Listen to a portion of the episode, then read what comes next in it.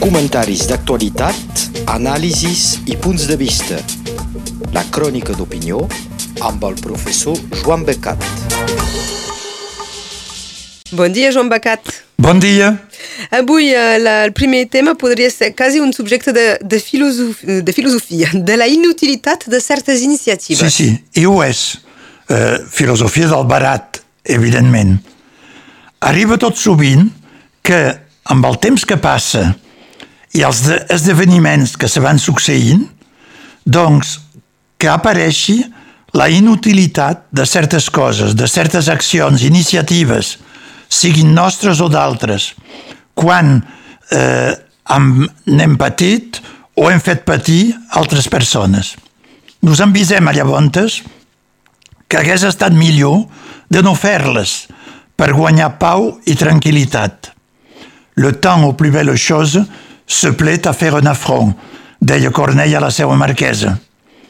Tot això, que no sembla tenir ni cap ni peus, me ve a l'esprit mirant les evolucions de les accions i dels comportaments sobre el tema de l'aigua, amb la secada, i la poc encertada acció en justícia de France Nature Environnement contra els regants i pagesos dels recs de la TET. D'una banda, la decisió de justícia no s'aplicarà o bé serà poques vegades, car és excessiva i per tant impossible de respectar per aquesta raó, i d'altra banda, l'evolució del clima i de la sensibilització de la gent, ara real, llevat de brètols o d'insolidaris, doncs tot això portarà a un canvi dels usos de l'aigua. Ja ara i amb un parell d'anys més, canviarà totalment la distribució de l'aigua sense que calgui crear afrontaments amb judicis com ells ho han fet. Per tant, un any després, menys d'un any, de la decisió del Tribunal Administratiu de Montpellier i encara amb el recurs que no és jutjat, ja el tema mateix de la repartició de l'aigua de la TET ha canviat i ha descol·locat la primera decisió judicial. Apareix, doncs, la inutilitat pràctica de la sentència i de la demanda i el seu caràcter excessiu.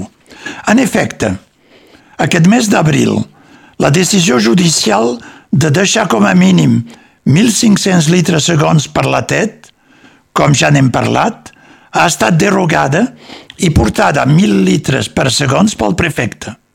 France Nature Environnement ha dit que no recorreria al tribunal per això, que ho entenia i que li anava bé. Doncs, per què imposar 1.500 litres? Mai les posicions excessives acaben sent les bones. Amb la secada i les noves restriccions dràstiques dins l'ús de l'aigua, tindrem noves reparticions on, com sempre passa, en cas d'emergència, són prioritaris l'aigua potable per la gent i regar camps i vergers per assegurar la producció que no es nodreix i evitar un desastre econòmic per la regió. Les prioritats de fa poc temps abans, doncs, s'han capgirat.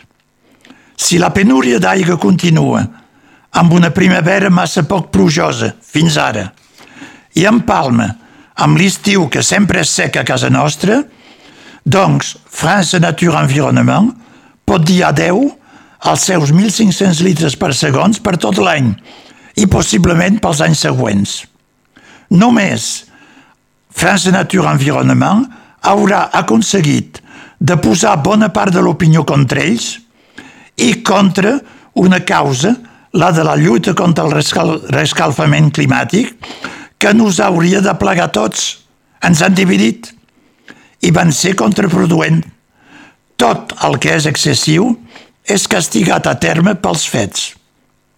A més, la necessitat d'afrontar la secada ja ha portat els canvis d'ús que ells volien, sense necessitat de judici i de talibanisme. Les noves sensibilitats i usos que pensaven promoure, ells, a la manera dels monjos espanyols, quan convertien el catolicisme de força als indis d'Amèrica, doncs ja són adquirits per tothom i les accions segueixen. Areu es veuen inversions i ajudes per evitar les fuites d'aigua potable, limitació, prohibició d'ús per piscines, jardins, etc. Estalvis, recuperació d'aigua, fer-la servir diverses vegades. Ja comença també la reprovació social contra els que abusen de l'ús de l'aigua. També ja els pagesos canvien els seus usos, almenys els pagesos que no seran obligats d'abandonar per les males collites. Es pensa fer i se fan canvis de cultius, d'arbres fruiters. El rec per goteig és sempre més extens i s'utilitzarà, diuen, l'aigua de les depuradores, etc. Per tant, tot ha canviat. He llegit que aquest cap de setmana l'entesa ornitològica catalana d'Elna i el grup ornitològic del Rosselló iniciaven el cens, el comptatge, dels ocells de jardins i de camp. Està molt bé, és una bona feina, però és que els seus socis d'aquestes associacions saben que aquest grup de gent de bona voluntat és membre de France Nature Environnement i que, per tant, tots ells han contribuït sense saber-ho a atacar els recs, que són un biotop tan important pels nostres ocells, com també en són membres de France Nature Environnement al Cerca Natura amb la seu a la reserva d'Eina, que també se cuiden d'ocells, i al Comitè de Conservació de la Natura del Pirineu Oriental, membres dels quals, membres destacats dels quals, fan conferències sobre l'aigua. Com us deia a l'inici, futilitat, inutilitat, vanitat de certes coses i per jo valor de les accions al dia a dia. Ja estem al mes de maig, s'apropen doncs les eleccions municipals i en particular a Barcelona. A Catalunya, com a tot Espanya, hi haurà el 28 de maig les eleccions municipals. En diuen eleccions locals. I tots els partits s'hi preparen de valent, car serà la prova de foc després de dos anys lamentables de desgavells polítics. Per tant, qui serà més perjudicat? Recordem que aquestes eleccions se fan a una sola volta i a la proporcional, un sistema que no dona majories i que obliga sovint després aliances improbables o contra natura segons quins partits i que la gent no hagués votat en cas de segona volta. Hi ha a Catalunya 947 municipis i a les eleccions precedents, el 2019, és Junts qui va aconseguir més batlles i Esquerra Republicana més regidors, aquí diríem més consellers municipals. Ara bé, se va parlar sobretot de Barcelona i de l'elecció d'Ada Colau amb el vot del difunt polític Manuel Valls. Ep, és ben viu el Manuel Valls, però és difunt per la política catalana. Aquesta vegada no el tornarem a veure. És Esquerra Republicana que presenta més llistes, 804, o sigui, un poc menys que l'any 2019. Junts en presenta només 728. És a dir que, és a dir que ha baixat de gairebé 100 llistes, per a por a l'altra vegada. Però cal veure que hi ha un acord amb el PDeCAT, sovint tàcit. El PDeCAT és l'antiga convergència, per no trepitjar-se. Si sumem els dos, serien 909 llistes, o sigui, gairebé a tot arreu. Els socialistes són un cas. El Partit dels Socialistes de Catalunya venen després 625 llistes, però si són els dos terços dels municipis, a una bona part són llistes amb un sol nom i no llista completa. I sovint amb un candidat socialista que no és del poble. Però per què fan això? ja que amb aquestes llistes eh, amb un sol nom tenen poques perspectives d'elegits i de ser batlles, evidentment, perquè no tindrien consellers.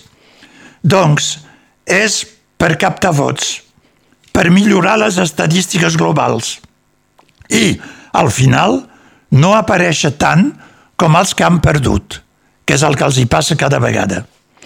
Els altres partits són marginals. El Partit Popular se presenta a només un poc més de 200 municipis, o sigui, molt pocs, un sobre cinc, i els altres entre 100 i 170. Són els comuns, la CUP, Vox i Ciudadanos. Ara bé, com sempre, segur que se parlarà de Barcelona i d'Ada Colau, amagant, doncs, la realitat de Catalunya. Ja tindrem temps per anar-ho eh, seguint les properes eh, setmanes. L'exconsellera i actual eurodiputada Clara Ponsatí desafia el jutge Llarena. Efectivament, la diputada europea catalana Clara Ponsatí és perseguida, ja fa temps, pel Tribunal Suprem espanyol amb un euroordre d'extradició del jutge del jutge d'aquest tribunal, Llarena. Fa un mes va desafiar i el Tribunal Suprem i el Llarena venint públicament a Barcelona. És a dir, envoltada, envoltada de periodistes. Els havia dit que venia. Volia veure si se respectaria la seva immunitat parlamentària quan visitava, que és el seu dret, la seva circunscripció electoral. És fins i tot recomanat pels elegits. Va tenir el que volia. Per ordre de Llarena, va ser arrestada, portada davant d'un jutge a Barcelona, que li va notificar la convocació de Llarena pel 24 d'abril a Madrid per audició i inculpació. Volia ella fer evident que Espanya no respecta ni la immunitat parlamentària ni la supremàcia dels tribunals europeus sobre la justícia estatal. Doncs va ser servida.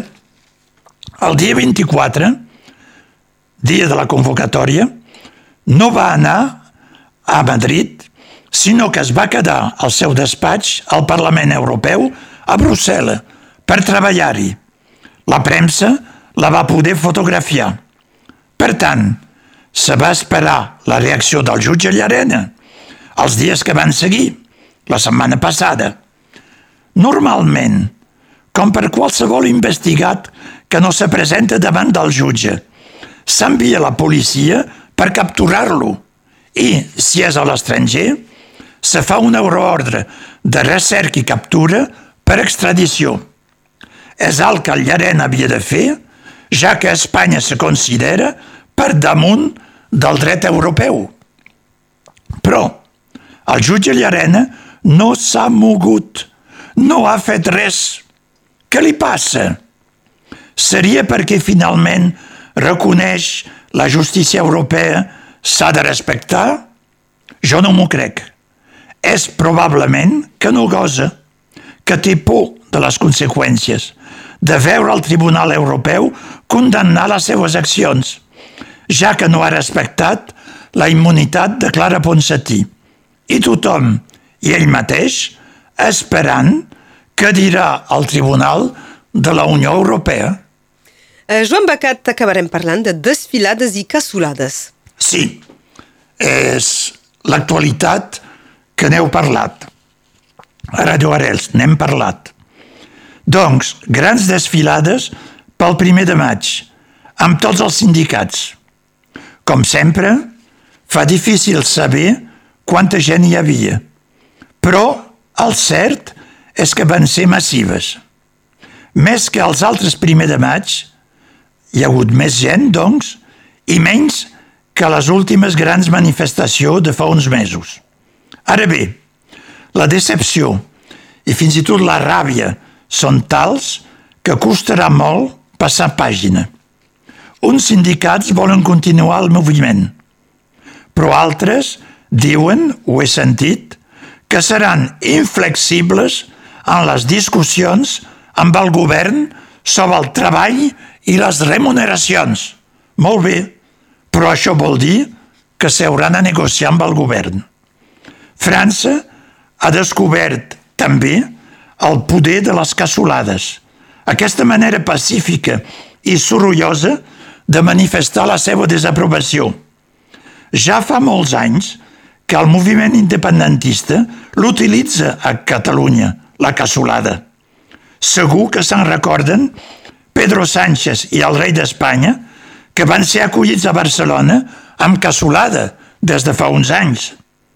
Però observi que les cassolades van servir també cada finals de tarda durant el confinament pel 2019, quan la gent només podia sortir al seu balcó, per agrair, amb aquest soroll, al personal de salut i als que feien funcionar els serveis necessaris.